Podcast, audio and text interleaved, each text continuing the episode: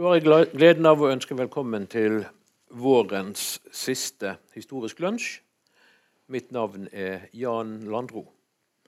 Gjesten min denne gangen er Svein Atle Skålevåg, som er førsteamanuensis i historie ved Universitetet i Bergen, og som har psykiatriens historie som sin spesialitet. Vi skal snakke om, det, om utilregnelighet i både den ene og andre forstanden. Men la oss da begynne i, i det språklige. Utilregnelig og utilregnelighet er ord vi alle kjenner og, og forbinder et eller annet med. Men det fins et verb knyttet til dette. Å tilregne, eller å bli tilregnet. Og det forklarer egentlig veldig godt, syns jeg, hva dette dreier seg om. Ja, eh, og det, eh, den verbformen var jo lenge den vanlige varianten av dette. Eh, det var sånn eh, loven og retten snakket om tilregnelighet, var om, om en handling var tilregnelig. Altså om, om du eh, kunne stilles til regnskap for eh, det som du gjør. At du kunne til, til, tilregnes som uh, verbet var handlingen. Ja. Mm. Mm. Uh, og, det, og, det, hadde jo uh, i, i, gammel rettstradisjon så har det jo en økonomisk side òg, nemlig jo, uh, om, om, en forbryter da kan kreves økonomisk At han betaler for å reparere den skaden han har gjort. Mm. mm. Så, det, har, så det, det, kommer sånn sett fra, fra en økonomisk kompensasjonstenkning, kan en si det. Så det drev de med altså Det går forut for det meste, det skjønner jeg. Kapitalismen har levd lenge. Ja, eh, det er sånn eh, eh, tenker Det er jo viktig, det med erstatning er viktig i middelalderretten, f.eks. Mm. Der kanskje den viktigste delen av den viktigste straffen er, er å måtte betale erstatning. Mm. Selv i forbindelse med drap så betalte jeg erstatning. Ja. Mens, mens, fengsel hadde en jo ikke. Mm. Men forutsetningen var altså at du kunne tilregnes den handlingen du var tiltalt for. Ja, og det eh, har jo alltid vært ansett som normalsituasjonen. At eh, det er en, eh, nærmest en integrert eh, eh, del i vår forståelse av hva det er å være et menneske. At du kan tilregnes. Mm. At du kan eh, risikere å bli måttet stilt til regnskap for retten for, for det du har gjort. Uh, og det er jo da eh, en uh, unntakskategorien som er spesielt interessert i, da, de som ikke kan tilregnes sine handlinger. Ja. Og jeg glemte for øvrig å nevne at Svein Atle Skålevåg har skrevet denne boken her om utilregnelighet. Den heter 'Utilregnelighet en historie om rett og medisin'. Er så velskrevet og så interessant at den var i finaleheatet for Brageprisen i fjor. Så er det sagt òg. Det var dagens reklame. Eh,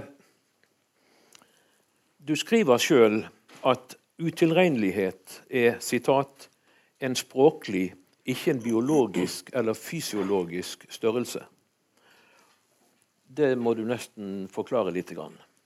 Ja. Eh, altså bakgrunnen for den formuleringen er da alt Eh, at eh, gjennom denne lange historien så har eh, det kanskje vært en tendens til at selve ordet utilregnelighet uh, blir biologisert. Altså at det blir oppfatta som uh, utilregnelig er noe man er, og som man da kan få hjelp av ulike former for vitenskap til å finne ut om du er utilregnelig.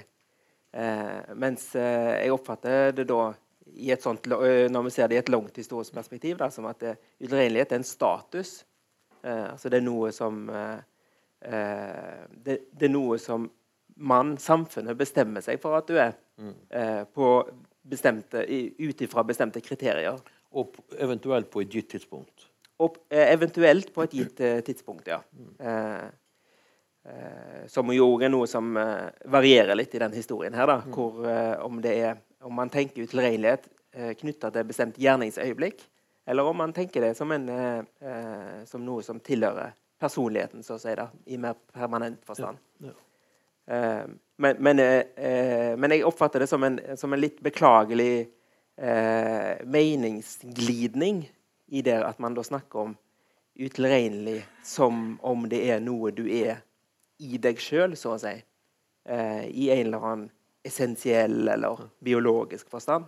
Og ikke men, noe som, som retten kommer til at du er. Beklagelig, til og med?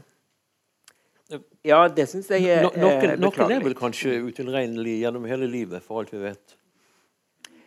Nei, det vil jeg ikke si. Altså, Ut ifra denne forståelsen av, av utilregnelig som en språklig størrelse, så ja. vil jeg jo si at ingen er utilregnelige før de eh, kommer i konfrontasjon med rettsapparatet. Mm. Eh, fordi det er rettsapparatet som, som, sier at du er utilregnelig. Mm.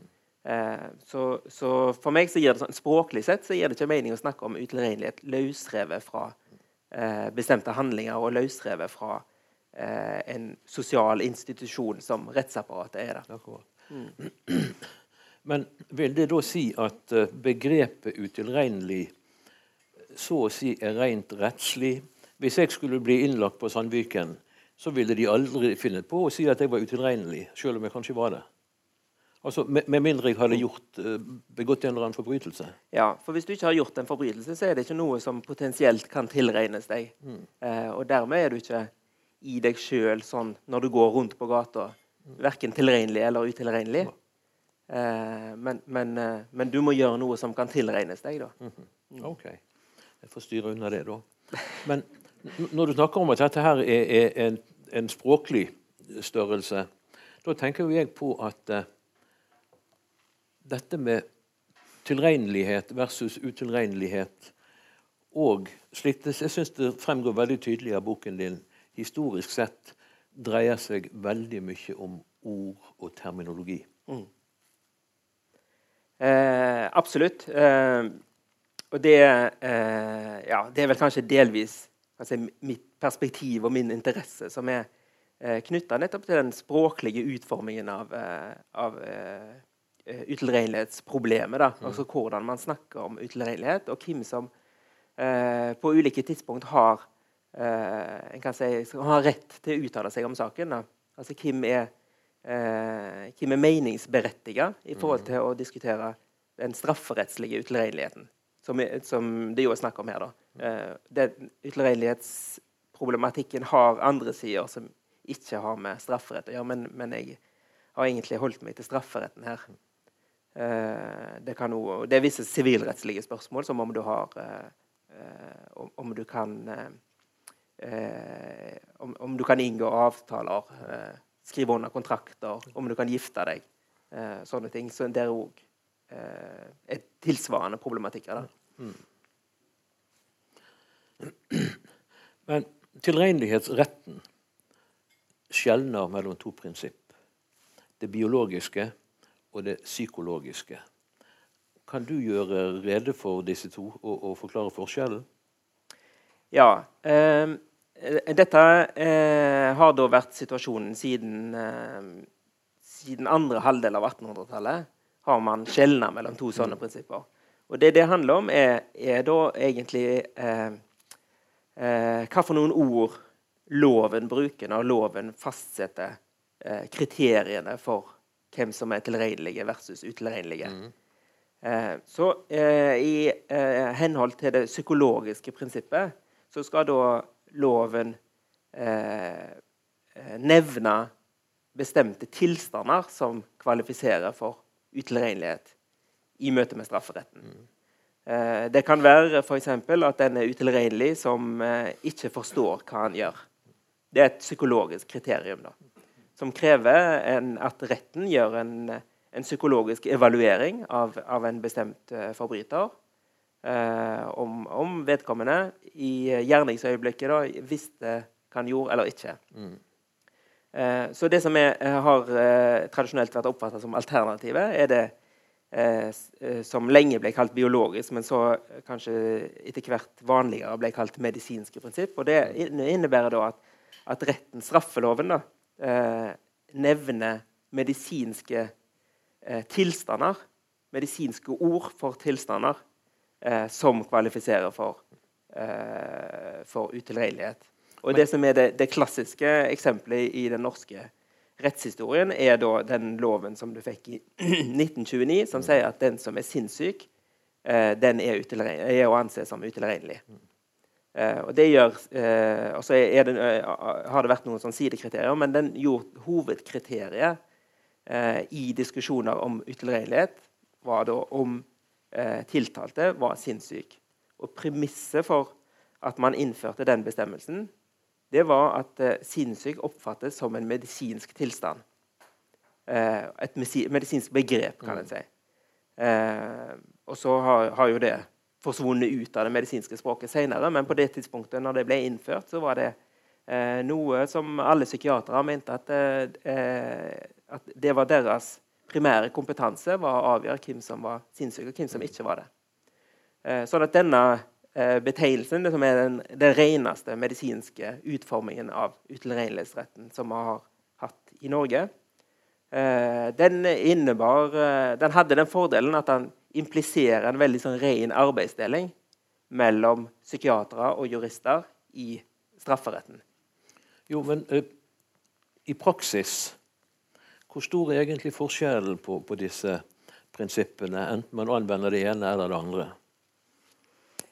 Eh, den, den, viktige praktiske konsekvensen er eh, hvor stor rolle rettspsykiateren får i retten sin behandling av utilregnelighetsspørsmålet, vil jeg mm. si. Eh, for så lenge loven bruker ord som oppfattes som medisinske, så tillegger loven implisitt eh, autoriteten på spørsmålet. Den ligger hos psykiaterne. Eh, hvis loven bruker disse som en kaller for psykologiske uttrykkene, eh, så plasserer en på en måte eh, kriteriet her i et mer sånn allmennmenneskelig eh, domene eh, og gir en større tyngde til juridiske, eh, det juridiske skjønnet. For, for, for, for, det psykologiske har rett og slett mindre faglig tyngde? Ja, det, men dette handler om at uh, psykologisk her ikke skal eh, forstås Du skal ikke tenke på psykologer mm. når vi tenker på psykologisk. På 1800-tallet, når, når en ikke ja, hadde Det høres jo opplagt ut. Ja, men på 1800-tallet, når en hadde uh, Når en ikke hadde noen psykologer mm. Og det er da en, denne, denne distinksjonen oppstår. Og da er psykologi noe som en assosierer med I den grad en assosierer det med en vitenskapelig disiplin, så er det filosofien. Så, det, så, motsetningen her er egentlig vitenskap versus filosofi. Mm -hmm. eh, og, og, sånn er, det man snakker om dette problemet på hele 1800-tallet. Skal det være et vitenskapelig spørsmål? Eller skal det være et filosofisk spørsmål? Et filosofisk spørsmål det, det er for, for, så vidt litt mindre, eh, litt mindre tett knytta til en bestemt profesjonsgruppe. Mm. Eh, og et eh, filosofisk spørsmål på 1800-tallet det er en jurist like eh, velegnet til å avgjøre. Ja. Eh, sånn at dette psykologiske prinsippet, det, eh, det er eh, ja, ikke knytta til, til, en psykologprofesjon og en psykologekspertise, men det, men det er knytta til motsatsen til ekspertise. Mm -hmm. Det er jo fristende å si at uh, det må ha vært det prinsippet som var rådende i saken mot Anders Behring Breivik. Eh, det psykologiske? Ja. Ja Altså, ja, vi kan ta, vi kan ta den uh... ja, Vi skal for så vidt komme tilbake til mm. han seinere. Altså for det som, det som har skjedd eh, altså nå, det, Som jeg har sagt, så har jeg prøvd å ha 1800-tallet som en sånn eh, bakgrunn her. Eh, for det oppstår veldig mm. mye av de distinksjonene og de ordene og måten eh, altså alternativene for måten å snakke med dette på. Mm. Og så forandrer jo selvfølgelig psykiatrien seg veldig mye på 1900-tallet. Mm. Og så får du jo en psykologi, men det er jo kanskje eh, Ja, det, det, er jo ikke helt irrelevant, det heller. Eh, men det som skjer med eh, psykiatrien, som er spesielt viktig i forhold til den Breivik-saken, det er at eh, oppkomsten av disse eh, klassifikasjonssystemene i psykiatrien mm. altså det, som, det, amerikanske som kalles DSM, og, og, det europeiske som kalles for ICD. Eh, og dette er, eh, dette er sånn diagnoselister som inneholder kriterier som skal gjøre selve diagnostiseringsprosessen til psykiaterne mer uavhengig av det individuelle skjønnet til en psykiater. Mer, diagnostiseringen ble mer objektiv. Eh, men dette eh, har det vært systemer som, som, eh, som, har dratt psykiatrien i en deskriptiv retning. Altså det psykiatriske vitenskapsidealet på, fra 1980-tallet det, eh, det, er mer knytta til å gi en, eh, en objektiv beskrivelse av sykdomstilstand, og ikke så mye i å forklare den. Mm.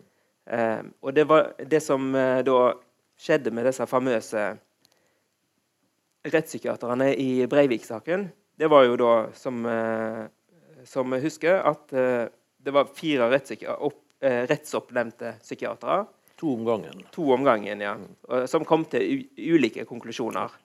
Eh, vidt forskjellige konklusjoner, sa man jo, men de har jo egentlig bare to alternativer. Så da er enten er de like, eller så er de vidt forskjellige. Eh, og, og, og, og, det som var domstolen sin respons på da, disse to ulike anbefalingene, kan du si, mm. det var jo å ta tak i selve klassifiseringssystemet og gjøre sin egen klassifisering. Eh, og så kan en da eller Da har det jo vært diskutert litt på hva, hva det innebærer. Hva, hva, gjorde de egentlig? Mm. Hvordan skal man forstå det som de gjorde? Var det eh, sånn som mange sa på det tidspunktet? Ja, her ser vi at, eh, at juristene tar makten tilbake fra psykiaterne. Mm. Eh, det er en versjon som jeg har litt problemer med, fordi at eh, de hviler så tungt på det psykiatriske klassifikasjonssystemet. Men samtidig gjør de litt av jobben sjøl? Ja, de gjør mye av jobben sjøl. Ja. Men det, det, de gjør, er at de eh, går inn og opptrer som en slags eh, sensor. Mm. Eh, og så sier de at eh, eh rettspsykiater par to eh, har gjort en bedre psykiatrisk jobb enn rettspsykiater par én. så de slutter seg til den siste mm. og gir dem rett. Og dermed så er det jo vanskelig å si det, at det er å Eh, å ta, ta makta fra psykiaterne. Men det er snarere å gå helt inn i det psykiatriske domenet mm. og bli aktører på det sjøl. Ja. OK, la oss mm. gå tilbake i tid. Ja. Langt. Eh, eh, retten til ikke å dømmes for en forbrytelse ved utilregnelighet Hvor langt tilbake i norsk lov finner vi den? Går det helt tilbake til landskapsloven, altså type Gulatingsloven? Eller er det først ved Magnus Lagerbøtes landslov 1274 at dette eh, nedfelles? Altså det går sannsynligvis lengre tilbake enn vi har kilder til. Mm. Eh, vil jeg tro. Det, det sier jeg på bakgrunn av at det som en, en, kjenner til andre rettssystemer som er eldre, er at de aller, aller fleste rettssystemer har et sånn grensekriterium som sier at, eh, at det fins noen som ikke, som ikke Når de stilles overfor loven, ikke er som andre folk. Som krever en, en bestemt særbehandling fordi, mm. av sin psykologi, hvis du bruker det ordet. Eh, og Sånn sett så fins det da til, uh, utilregnelighetsbestemmelser i de eldste norske uh, lovene men det fins ikke en systematisk utilregnelighetsrett, eh, sånn som vi får på 1700-tallet, der dette gjøres til et, eh, et, generelt prinsipp, uavhengig av forbrytelse. For Det som er tilfellet med de gamle utilregnelighetsbestemmelsene som vi kjenner til, er at de er knytta til bestemte forbrytelser. Oh ja. Eh, Hvordan da? Altså, er det slik å forstå at eh, man anså en som gjorde den og den konkrete eh, forbrytelsen per definisjon utilregnelig? Ja, eh, til en viss grad gjorde man eh, eh, kanskje det. Altså, det. det. er jo eh, litt uklar kildesituasjon i disse her eh, middelalderretten. Mm. Men et eksempel som av og til dukker opp, er f.eks. den som dreper sine foreldre. som, er, som i seg sjøl har blitt oppfatta som et symptom på Eh, på galskap. Eh, og det er noe som da kjennetegner kanskje disse gamle bestemmelsene. At det er eh, altså forholdet mellom forbrytelsen som et symptom og, og denne tilstanden som, som forklarer den. den. den. er litt mer inn, de er litt mer innvevd i hverandre. Eh, der eh, Ja, i, i, en del tilfeller der en oppfatter bestemte forbrytelser som, som symptomer på at en ikke er, eh, at en ikke er som andre mennesker. Akkurat. Mm. På et tidspunkt kommer begrepet eh, viljens frihet mm. inn, inn, i eh, vurderingen. Mm. Forklar det. Ja, Det er noe som eh, dukker opp på, på 1700-tallet uh, i forbindelse med denne systematiseringen av utilregnelighetsretten. Ja, Hol Holberg skriver jo om det. Ja, Holberg er en av uh, aktørene her. fordi at Holberg var jo blant mye annet jurist. Mm. og han var, han var, professor i København i, i opptil flere forskjellige yes. fag. så han flytta fra fag til fag.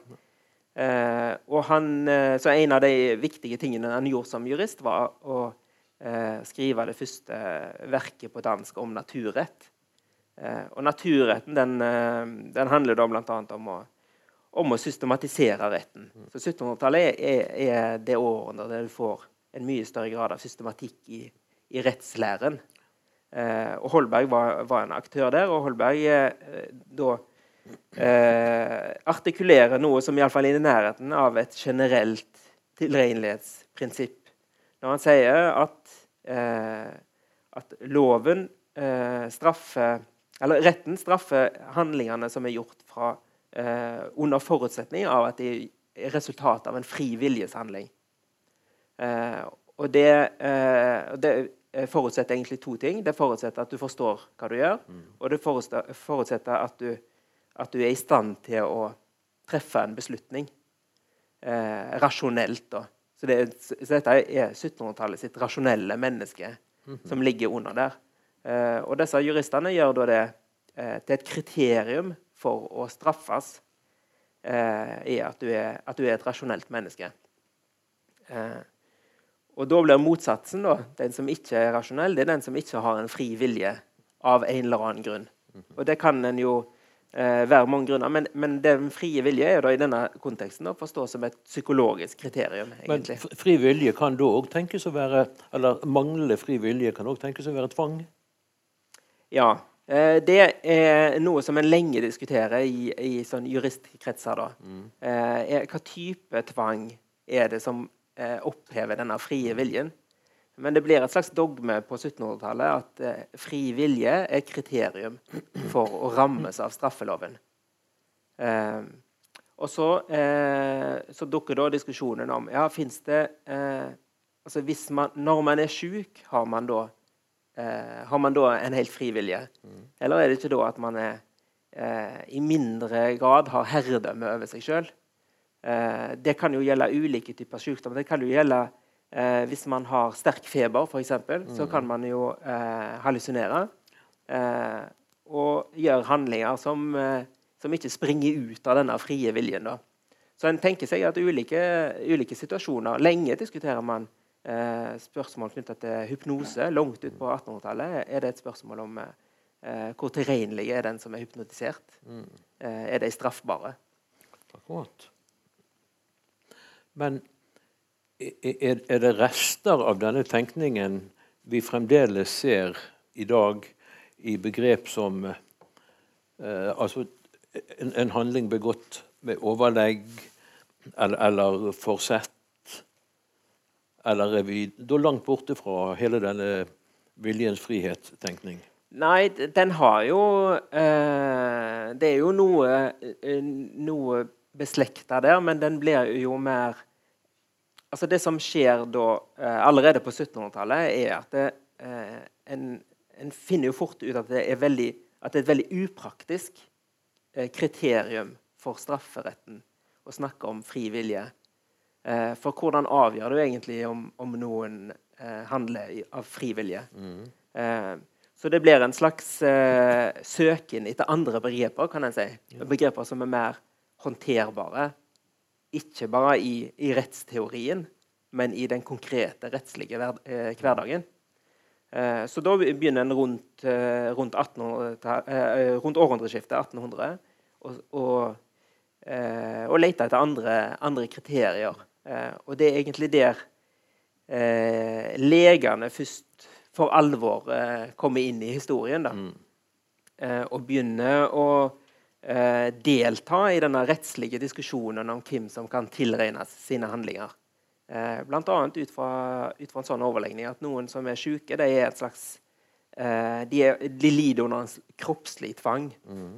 Eh, og, og så eh, ser vi da på 1800-tallet at det, den, en sånn medisinsk forståelse av, av hva det er å være menneske, ikke helt har plass til å eh, tenke om den frie viljen.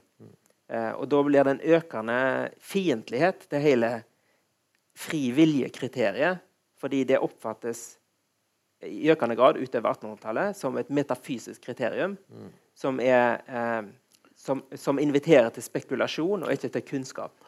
Holberg var jo professor i metafysikk òg, som vi vet. Ja.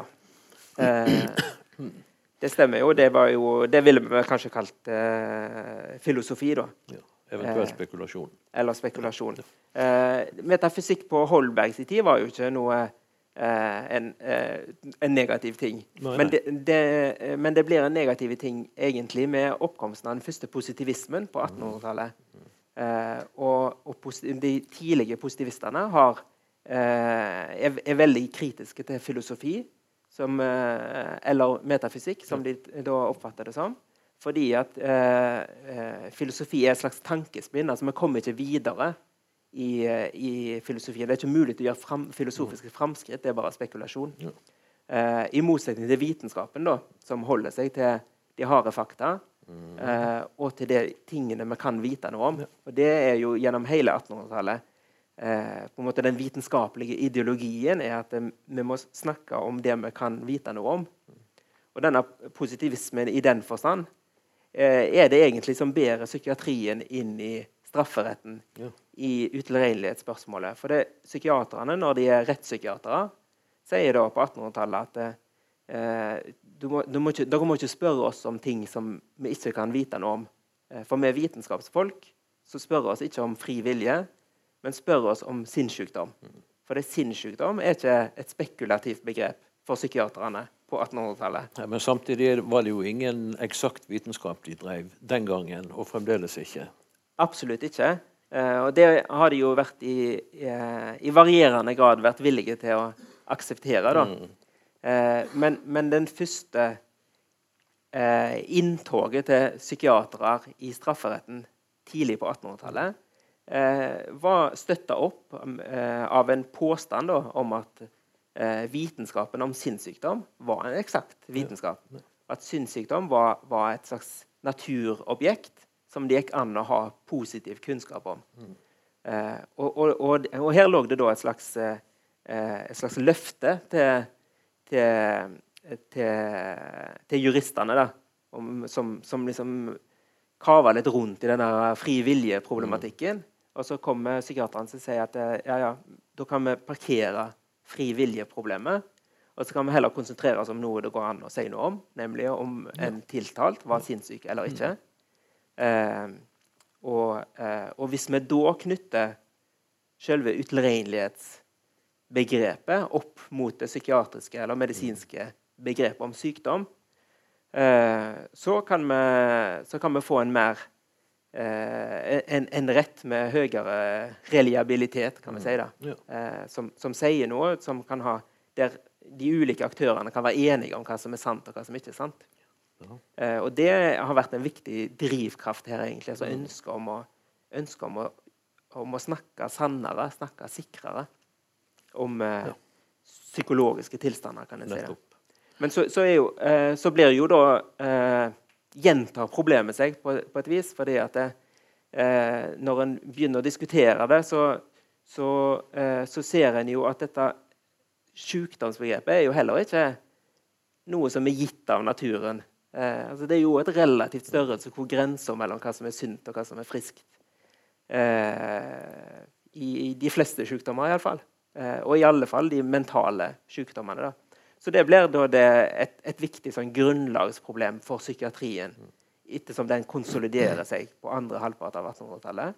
At eh, ja, ja, dette sykdomsbegrepet som vi, bygger så mye på, eh, det er jo en, eh, et, et skjønnsspørsmål. Så hvor mye, hvor mye vant vi der av sikker kunnskap, egentlig? Og det er det fra, Iallfall fra tidlig 1900-tall så er det flere ledende psykiatere som, som da eh, uttaler seg eh, skeptisk, eller relativiserende, i forhold til selve denne tanken om at noen har en sykdom på sinnet. Mm. Eh, man kan jo godt tenke seg at en, et lovbrudd er, er, er, er, overlagt, men begått i en tilstand av psykose. Skal det da straffes? Og, og hvis det til og med er slik at uh, vedkommende er psykosefri på det, tid, uh, det tidspunkt uh, dommen faller, skal vedkommende gå fri? Mm. Ja, det er et spørsmål som, som egentlig blir spesielt aktuelt i etterkrigstida. Og det er knytta opp til bruken av de nye psykofarmaka, mm. som da kom i bruk fra 1960-tallet. Eh, og det, det, er det På 1960-tallet, 50-60-tallet, så kommer altså medisiner som har en, en, viss effektivitet i forhold til å behandle eh, eh, mentale symptomer. Mm. Eh, og det tvinger fram på en måte et skarpere skille mellom det å ha en mental lidelse og være syk. Eh, fordi at du, du da kan iallfall tenke deg at du kan, eh, du kan, ha en mental lidelse som du har full kontroll på. Eh, og da blir det litt vanskelig å si sånn som de har gjort opp til da, egentlig, eller sånn som psykiaterne har argumentert for, at det, enten er du syk, eller så er du frisk. Mm.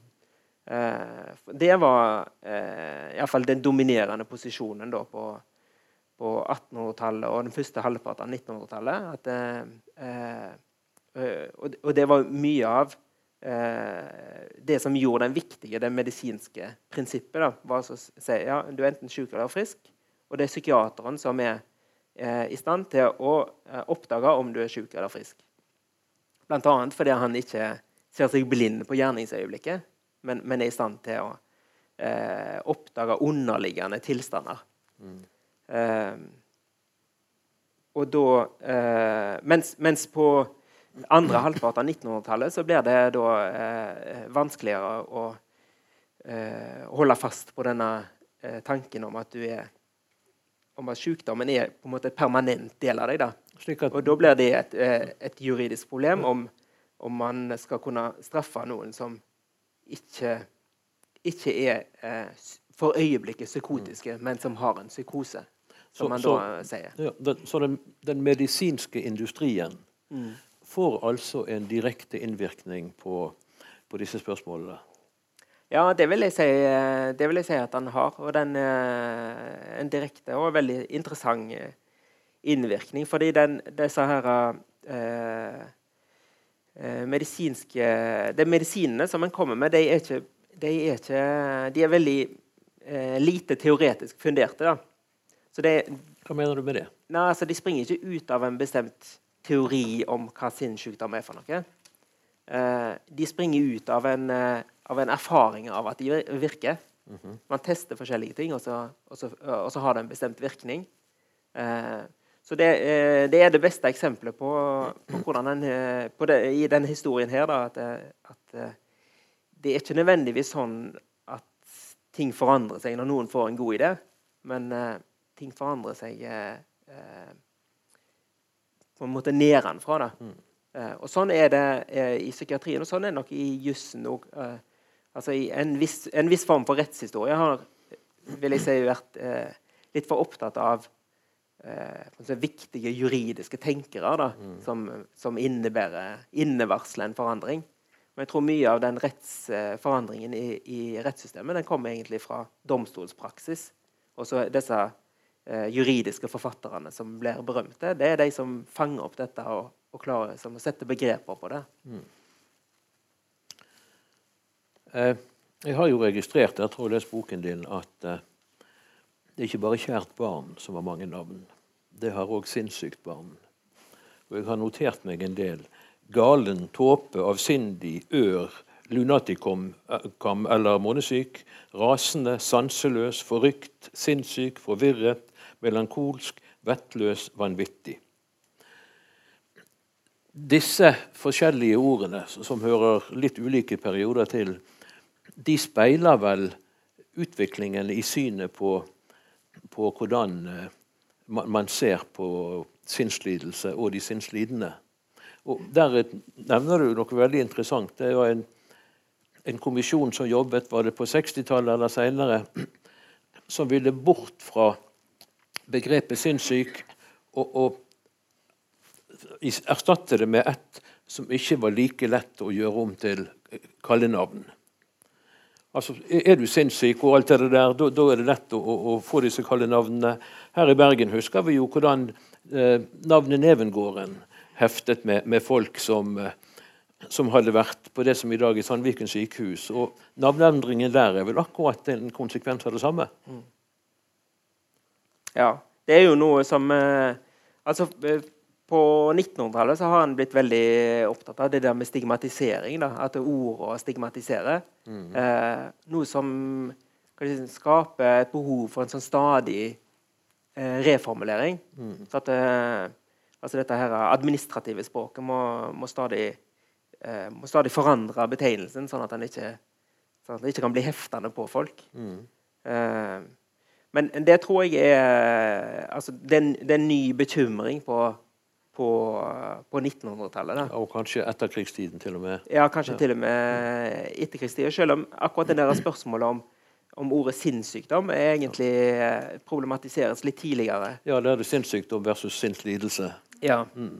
Og, det er, og, det er, delvis et spørsmål om stigma. Altså det, eh, I disse her eh, utredningene og komitéarbeidene og alt dette som skrives om, eh, om saken, eh, så er det med stigma er ett eh, argument. Men, det, men, når man går fra sinnssykdom til sinnslidelse, så har det òg eh, litt andre aspekter. Blant mm. annet er den, den ordforandringen eh, der er knytta til spørsmålet om frivillige innleggelser. Ja.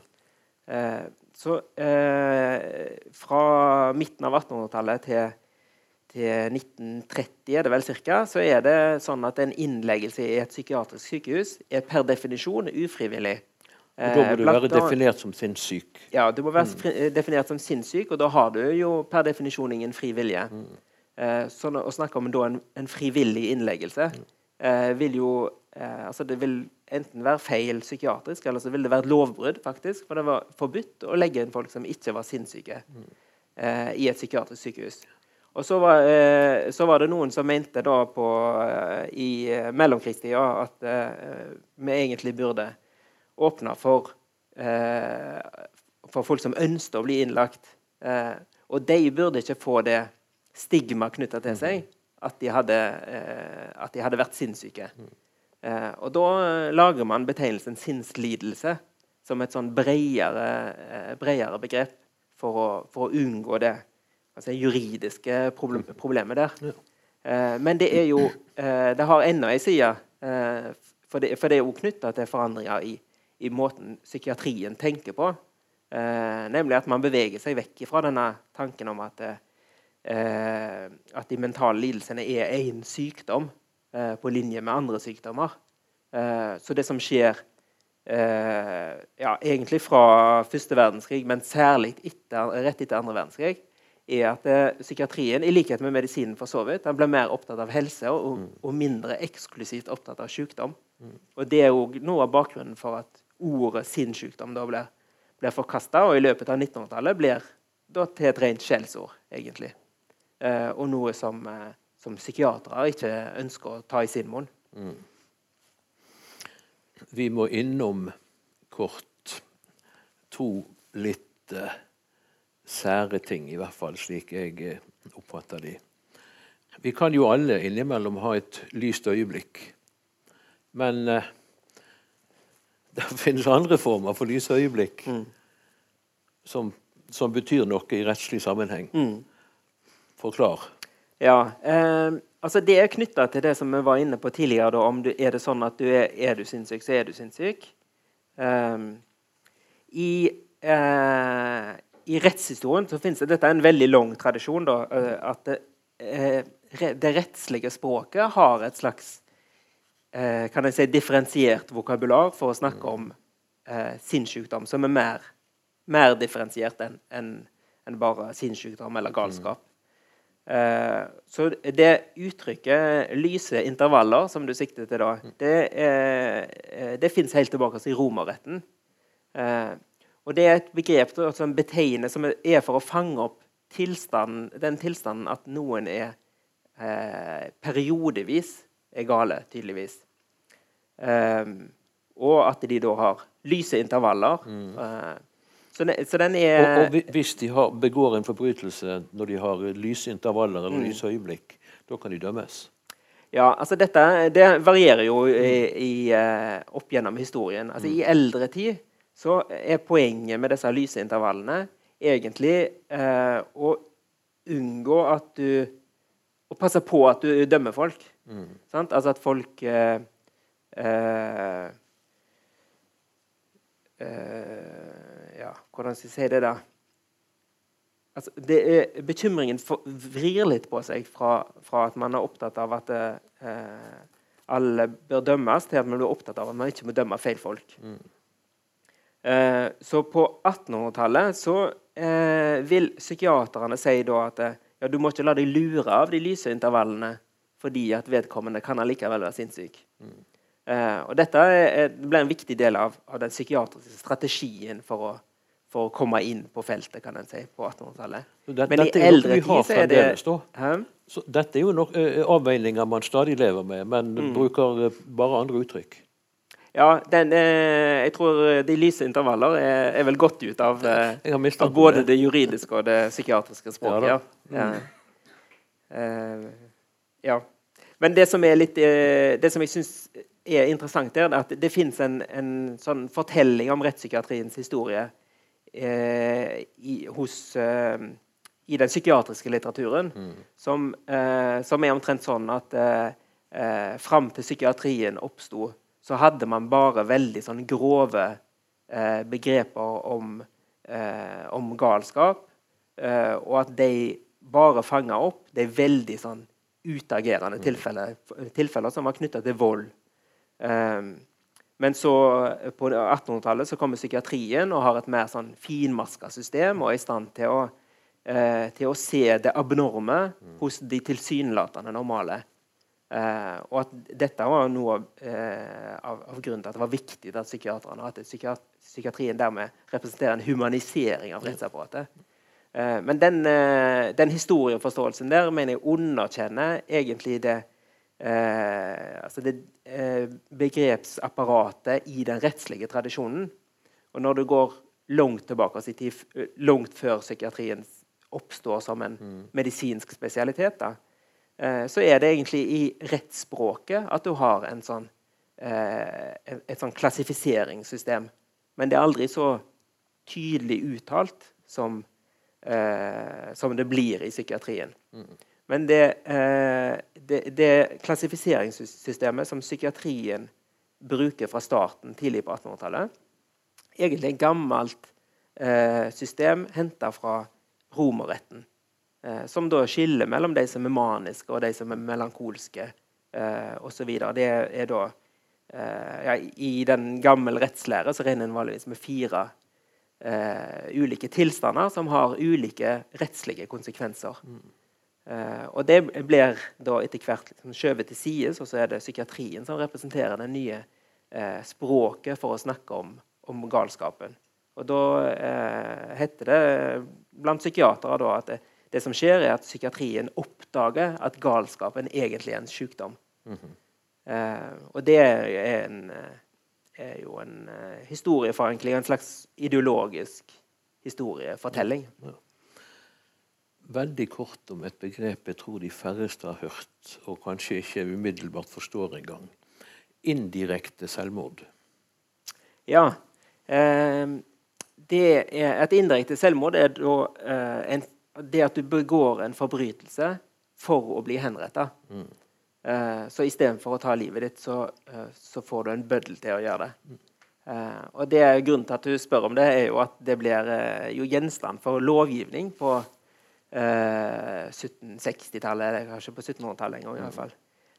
for da oppfatter lovgiverne i København det som et problem at det er disse indirekte selvmordene. Så da blir det lagd en lov som sier at hvis du dreper noen for å bli drept, så skal du ikke bli henretta. Og det er ikke da eh, Og det er ikke for å gjøre dommen mildere, men for å gjøre den strengere. For da sier han at da vil det jo ikke det er jo ikke en streng dom å henrette noen som ønsker å bli henretta. Eh, og, og da, eh, da, får de eh, istedenfor en dom som, som eh, eh, innebærer at de, ikke, at de ikke dør, da, men de blir halshogd etter de er døde. Eh, som er en mer passende straff. Da, Livet er komplisert. Det er vel konklusjonen her. Mm. Eh, på et tidspunkt, og da er vi vel i mellomkrigstiden, så kommer begrepet sjelsevne mm. inn i tilregnelighetsvurderingen. Og jeg tenker jo som så at uh, sjel må jo være et fryktelig vanskelig begrep, med mindre du er teolog. Ja, veldig vanskelig, og veldig rart egentlig at det ja. kommer inn i uh, at det kommer inn i strafferetten på et tidspunkt der uh, den psykiatriske tenkningen egentlig står sterkere strafferettslig sett mm. enn en noen gang, verken før eller senere. Mm. Men, den, men den, kommer, kommer da inn og sjel og de er jo, Psykiaterne blir fort ganske ukomfortable med, med dette. For de, de, blir satt til å være ekspertene på sjelsevner. Og sjelen er jo, som du antyder, egentlig ikke, ikke, en størrelse i et sånn psykiatrisk univers i det hele tatt. Altså Særlig da, på dette tidspunktet der psykiatrien da er så, som sagt, eh, veldig sånn positivistisk orientert. Mm. Eh, men det er, det er knytta til eh, eh, Det er knytta til den nye, store strafferettslige teorien, som er samfunnsforsvarsteorien eh, som oppstår på andre halvpart av 1800-tallet. Eh, som en del av en, eh, av en, bevegelse som innebærer en kan si, kanskje en avmoralisering av eh, strafferetten. Mm. Så strafferetten nå skal ikke handle om, eh, om å straffe den som har gjort noe galt i moralsk forstand, men strafferetten fra 1880-tallet eh, skal handle om å forsvare samfunnet mot disse fryktelige forbryterne som er i krig med samfunnet. Eh, og da eh, eh, er det en del av denne teorien at mange av disse Det er nesten en slags form for rasisme, kan en si. det, For, for, for, mange av forbryterne de er forbrytere fordi de er fødte forbrytere. Eh, og det er, det er, nesten som å være, som å være sinnssyk, men det er ikke en sinnssykdom. Eh, så det, det, som da blir et strafferettslig problem, er hvordan håndterer man disse folka som gjør eh, kriminelle handlinger fordi de ikke kan noe annet, eh, uten at eh, uten at det eh, at de handler av tvang, skal eh, tjene til å, som en frigivende omstendighet. Eh, og Da må, må, man finne opp nye, nye begreper. og da, disse her fødte forbryterne mm. de har da svekka sjelsevner etter det nye språket, juridiske språket. Akkurat som Hamsun. Eh, og Hamsun er jo den mest berømte uh, av de svekkede sjelsevnene. Han har til og med varig svekkede sjelsevner. Ja. Hvordan står uh, den vurderingen seg i dag? Um, nei, det, det, kommer jo stadig vekk nye, nye vurderinger av, mm. av, det. Og det er jo vanskelig å vurdere fordi at eh, altså betegnelsen varig svekkede sjelsevner er jo da på det tidspunktet når Hamsun blir, står til doms eh, altså etter krigen, så er jo det et juridisk begrep. Mm.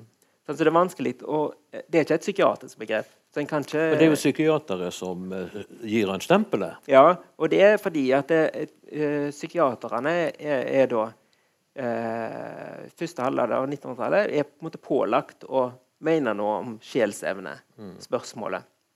Uh, selv om de ofte ber om å, om å få slippe det. Mm. Men i, i, da, i undersøkelsen av Hamsun så kommer psykiaterne Langfelt og Ødegård til at Hamsun ikke er sinnssyk, men at han har varig svekkede sjelsevner. Og de, de, to leddene der henger på en måte sammen. da. Så, det, så det første, det viktige i konklusjonen er egentlig at han ikke er sinnssyk. Og dermed er det ikke noe fra psykiaternes side i veien for å anse Hamsun som tilregnelig. Og altså òg strafferettslig tilregnelig? Og altså strafferettslig tilregnelig. Men sier de da ja, han er, eh, han er, selv om han ikke er sinnssyk, så er han ikke helt eh, normal heller. Han har nemlig varig svekkede sjelsevner. Mm. Eh, og varig betyr at det ikke, at det ikke er rent forbigående. Da. Mm. At det er å anse som noe som har blitt en del av hans men, men, personlighet. Sier det òg noe om altså Peker det òg bakover? At, kan du ut ifra en slik diagnose si at ok, han har varig svekkede sjelsevner, og det vil han slite med resten av livet, men dette er òg noe som har uh, ligget der i mange år? Ja, I tilfelle Hamsun så er det egentlig både òg. Altså, det er både betinga av, uh, av, hans kan si, nevrotiske disposisjon, mm. som, som manifesterte seg. Den er vel udiskutabel? Den er, er veldig udiskutabel. Mm. Uh, men den er òg betinga av slag som han hadde under krigen. Ja. Uh, så den eh, diagnosen i seg sjøl er, er, for så vidt romslig i den forstand at den aksepterer ulike ulike kausaliteter som en legger oppå hverandre. Ja. så det som er viktig med sjelsevnediagnosen, er egentlig at den er framoverskuende mer enn bakoverskuende. Ja. Så, så, den, så, den, kan ikke frikjenne, for å si det sånn?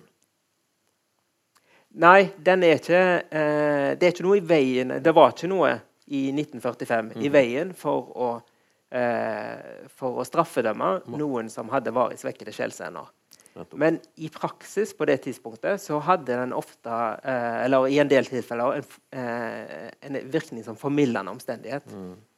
Eh, og det var på, et, på en måte er det jo det som skjedde da med Hamsun. For det som var konklusjonen av, eller konsekvensen av den psykiatriske konklusjonen, det var jo at påtalemyndigheten valgte å ikke reise straffesak. Som de eh, ønsket å, å, unngå? Ja, som de ønsket å unngå. Men, men de eh, Ja, så det, det er iallfall den vanlige eh, tolkningen av den. Det var at det ga de anledning til det. Så ble det reist sivilt søksmål, ja. erstatningssøksmål istedenfor. Der eh, der beviskravene er litt annerledes mm. osv. Og, og der han da ikke var risiko for å ende opp med en fengselsstraff. Det er jo stadig nye begreper i denne historien. Og på et tidspunkt kommer eh, begrepet skyldevne inn. Mm. Hvor viktig var det? Eh, det har jo blitt eh, veldig viktig. Jeg, eh, jeg, skriver litt om det fordi jeg syns det er eh, For jeg sjøl syns det er litt mystisk. Mm. Eh, det dukka opp på eh, 1920-tallet eh, som et alternativ til utilregnelighet. Altså, da var det en juridisk forfatter som mente at nei, vi bør slutte å bruke ord som utilregnelig mm. og snakke om at en person er tilregnelig eller utilregnelig. Vi bør snakke om hvorvidt han har skyldevne eller ikke. Så det var et forslag om et nytt, om ny, nytt språk. Da, altså evne til å påta seg skyld for det han har gjort? Ja, altså i, det, det, i, mine ører så har jo eh, det, den litt uh, uheldige klangen da, av at en evne uh, Det er jo fort gjort å tenke seg at det er noe du har, noe som er en del av deg. Ja. Eh, mens mens denne forfatteren mente egentlig nesten det motsatte. da, altså at det, det vi burde snakke om, var om, kan, om, en person kan klandres for det han har gjort. Og det er jo da ikke eh, denne klandreverdigheten mm. er ikke egentlig noe som bor i forbryteren. Eh, og dermed kanskje burde vi ikke snakke om, eh, om skyldevne, da. Men det har eh, Og, det, eh, han som skrev om det på, på 1920-tallet, han var, eh, han var ikke, ikke, veldig viktig, og han, han fikk ikke veldig gehør. Mm. men så har det dukka opp etter krigen, mm. og i den siste offentlige utregningen om utilregnelighetsspørsmålet. Den har tittelen 'Skyldevne'. Ja. At det har, det har forblitt et uh, kanskje stadig viktigere begrep, bl.a. fordi det er litt underdeterminert. altså det, det, er ikke definert, og derfor er det mm. uh, ikke, oppfattes det ikke som så problematisk. Da. Men i, i mine øyne er det nå fremdeles uklart hva egentlig en sånn skyldevne skulle være. Ja. Eh, vi må litt innom rettsoppgjøret. vil du si at spørsmålet om tilregnelighet, skråstrek utilregnelighet, der ble underordnet ønsket om hevn eller gjengjeldelse? Altså Når vi ser rettsoppgjøret i en, i en sånn lengre rettshistorisk eh, linje, så vil jeg si at hele rettsoppgjøret var eh, representerer at vekten igjen blir i større grad blir lagt på gjengjeldelse. Mm. Altså som et rasjonale for strafferetten. Eh, og det er fordi at i 50-årsperioden før det så er dette noe som blir dyssa ned av eh, juristene. At eh, det er ikke for å for å gjøre Det er ikke for å gjengjelde at vi straffer folk, men det er, og dette henger sammen med denne samfunnsforsvarsteorien. Mm. Det er for å forsvare samfunnet. Det er, mer, det er noe mer saklig og objektivt. Mm. Eh, mens eh, akkurat i år, og de eh, fire-fem åra etter, etter, krigen, så virker det ganske tydelig at eh, da eh, blir eh, spørsmålet om gjengjeldelse blir en mye viktigere del av men den allmenne forsvaret for strafferetten. Hvorfor vi har en strafferett, hvorfor vi straffeforfølger folk. Og det kanskje er det tydeligst akkurat i forhold til utilregnelighetsspørsmål, at det blir tydeligst i saken om Quisling. Nettopp. Eh, for det som skjer i Quisling-saken, er at man behandler utilregnelighetsspørsmålet litt sånn eh, Litt fort og gale. Litt summarisk, kan du si. Det, blir, det er noen psykiatere inne i bildet som gjør en litt rask eh, eh, vurdering. Mye raskere og mindre grundig enn f.eks. i Hamsun-saken. Ja. Eh, og som eh, konkluderer med at nei, han er ikke, Quisling er ikke sinnssyk.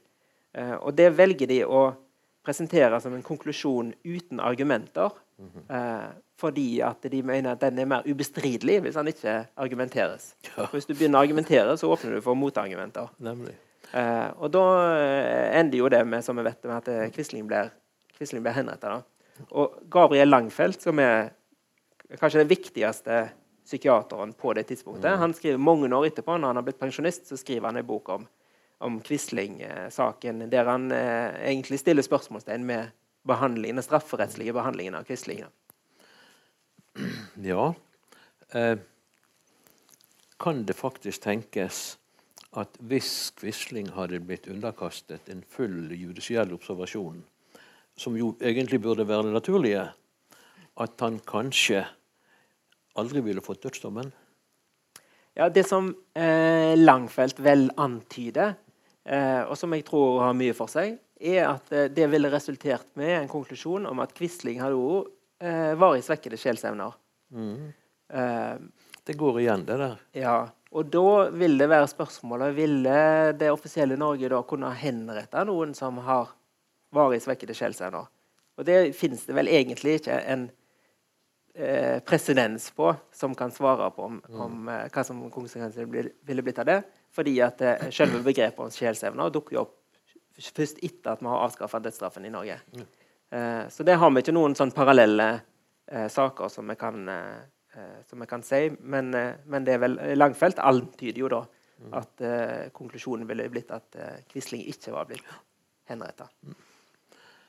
Eh, under arbeidet med den straffeloven som er gjeldende her i landet i dag, så kom det opp et nytt moment. Én ting var, var, retten til å bli kjent utilregnelig, altså slippe å ta straff. Mm. Men da var det òg snakk om retten til å ta sin straff. Mm. Eh, har det fått noen praktisk eh, konsekvens hittil? Det har vel ikke fått en praktisk konsekvens, men det, jeg tror jeg kan si at det, at det eh, blir en stadig viktigere del av, av diskusjonen. Det dukker opp på 1980-tallet. For fordi det, det speilvender på en måte hele den eh, måten å tenke rettigheter mm. i forhold til strafferettslig utilregnelighet. For på 1980-tallet ble det argumentert fra Foreningen Mental Helse om at eh, det er diskriminering og eh, å anse visse syke folk for utilregnelige. Mm. For om du er syk, så bør du ha rett på en samme type rettergang, og du bør ha rett til å stilles til ansvar for dine handlinger. Eh, så det representerte et veldig sånn nytt perspektiv på utilregnelighetsproblematikken. Eh, hele 1900-tallet har det egentlig vært en, en diskusjon som har dukket opp igjen og igjen om vi bare skal avskaffe hele eh, distinksjonen mellom utilregnelige og, og tilregnelige forbrytere. Eh, og så innføre et system der alle straffes, men at du får en straff som er tilpassa din, eh, din, psykologiske habitus, som du vil. Mm. Eh, og det gjorde de eh, eh, faktisk i Sverige. gjorde de det Et av de få land som, som har gjort det. For som jeg sa tidligere, så er det er det en del av de aller fleste rettssystemer er en distinksjon mellom tilregnelige og utilregnelige. Men i Sverige der, eh, der fjerna de den, og så sa de ja, hvis du er da eh, er eh, Hvis du har en mental eh, lidelse og begår en forbrytelse, så skal du allikevel dømmes, eh, men du skal få en reaksjonsform som er tilpassa eh, din sinnstilstand. Altså du skal dømmes til et opphold i psykiatrisk Du dømmes til behandling. Det er jo en, en ordning vi kjenner fra vårt eget system òg. Det, det, kjenner man her òg, men, men, her har det jo det kommet i tillegg til eh, distinksjonen mellom tilregnelige og utilregnelige. Mm. Så vi har beholdt eh, distinksjonen, og dette er en diskusjon som, blir, som er tatt da, i den siste offentlige utredningen. Mm. I Norge der, ja, skal vi ta det vekk eller skal vi ikke ta det vekk, og så konkluderer vi med å beholde det. Men, men det er jo i større grad åpna for å dømme folk til behandling. Noe mm. som igjen er eh, på mange måter problematisk i et medisinsk perspektiv. Da. Fordi, eh, hvor, hva type behandling kan du gi folk som ikke ønsker behandling, mm. eh, egentlig? Mm. Jeg tenkte vi skulle komme tilbake til uh, Behring Breivik, men jeg ser mm. jo at vår tid er ute. Men aller, aller sist vil jeg da spørre deg hva status har norsk rettspsykiatri anno 2017. Ikke minst uh, sett på bakgrunn av, av uh, det som ble åpenbart for folk flest i løpet av rettssaken mot Breivik. Altså, formelt sett så har uh, rettspsykiatrien uforandra status etter, etter, den saken. Det har ikke kommet noen regelforandringer. Uh, og denne kommisjonen som da ble oppnevnt i kjølvannet av Breivik-saken, for å utrede spørsmålet om, eh, om utilregnelighet på nytt, den konkluderer jo med noe som er ganske likt det som det har eh, vært før. Mm. Eh, på det uformelle planet så eh, tror jeg at eh, at det har vært en tendens, og det er egentlig som går litt lengre tilbake enn til den saken, da, om at de norske rettspsykiaterne er kanskje i økende grad de har en tiltagende beskjedenhet i forhold, til, i forhold til hva de kan vite noe om, og hva de mm. ikke kan uh, vite noe om. Mm. Og, og, så, uh, så den norske, altså offisielle uttalelsen fra de norske psykiaterne er at de ønsker seg at eh, juristene tar mer ansvar i avgjørelse av utilregnelighetsspørsmålet. Akkurat. Så psykiaterne er i dag ikke, eller det, den Psykiaterforeningen er ikke tilhengere av det medisinske systemet. faktisk. Er de i rettslig sammenheng en litt svekket profesjon? Ja, jeg vil jo si at de har kanskje litt svakere autoritet. Mm. Eh, men om det er en svekking eller en styrking, det kommer litt an på øynene som ser. da. Fordi at eh, de er på mange måter ikke tjent med å ha en ubestridt mm. autoritet mm. I, uh, i, retten. Og, og, og i, i, i, forhold til det offentlige, eller til, til folk flest, mm. så har de vel heller ikke den uh, guddommelige posisjonen som de hadde. Nei, altså jeg tror det eh, søkelyset som kom på rettspsykiatrien i kjølvannet av Breivik-saken, det har vel kanskje gjort, ført til en, sånn, en justering av eh, av omdømmet til psykiatrien. Mm. Eh, som kanskje òg eh, eh, har mye sunt med seg. da. Ja. Altså en realitetsorientering. Nettopp. Ja, det kan vi jo trenge noen hver. Da sier jeg tusen takk til Svein Atle Skolvåg, og takk til publikum som fant veien hit i godværet.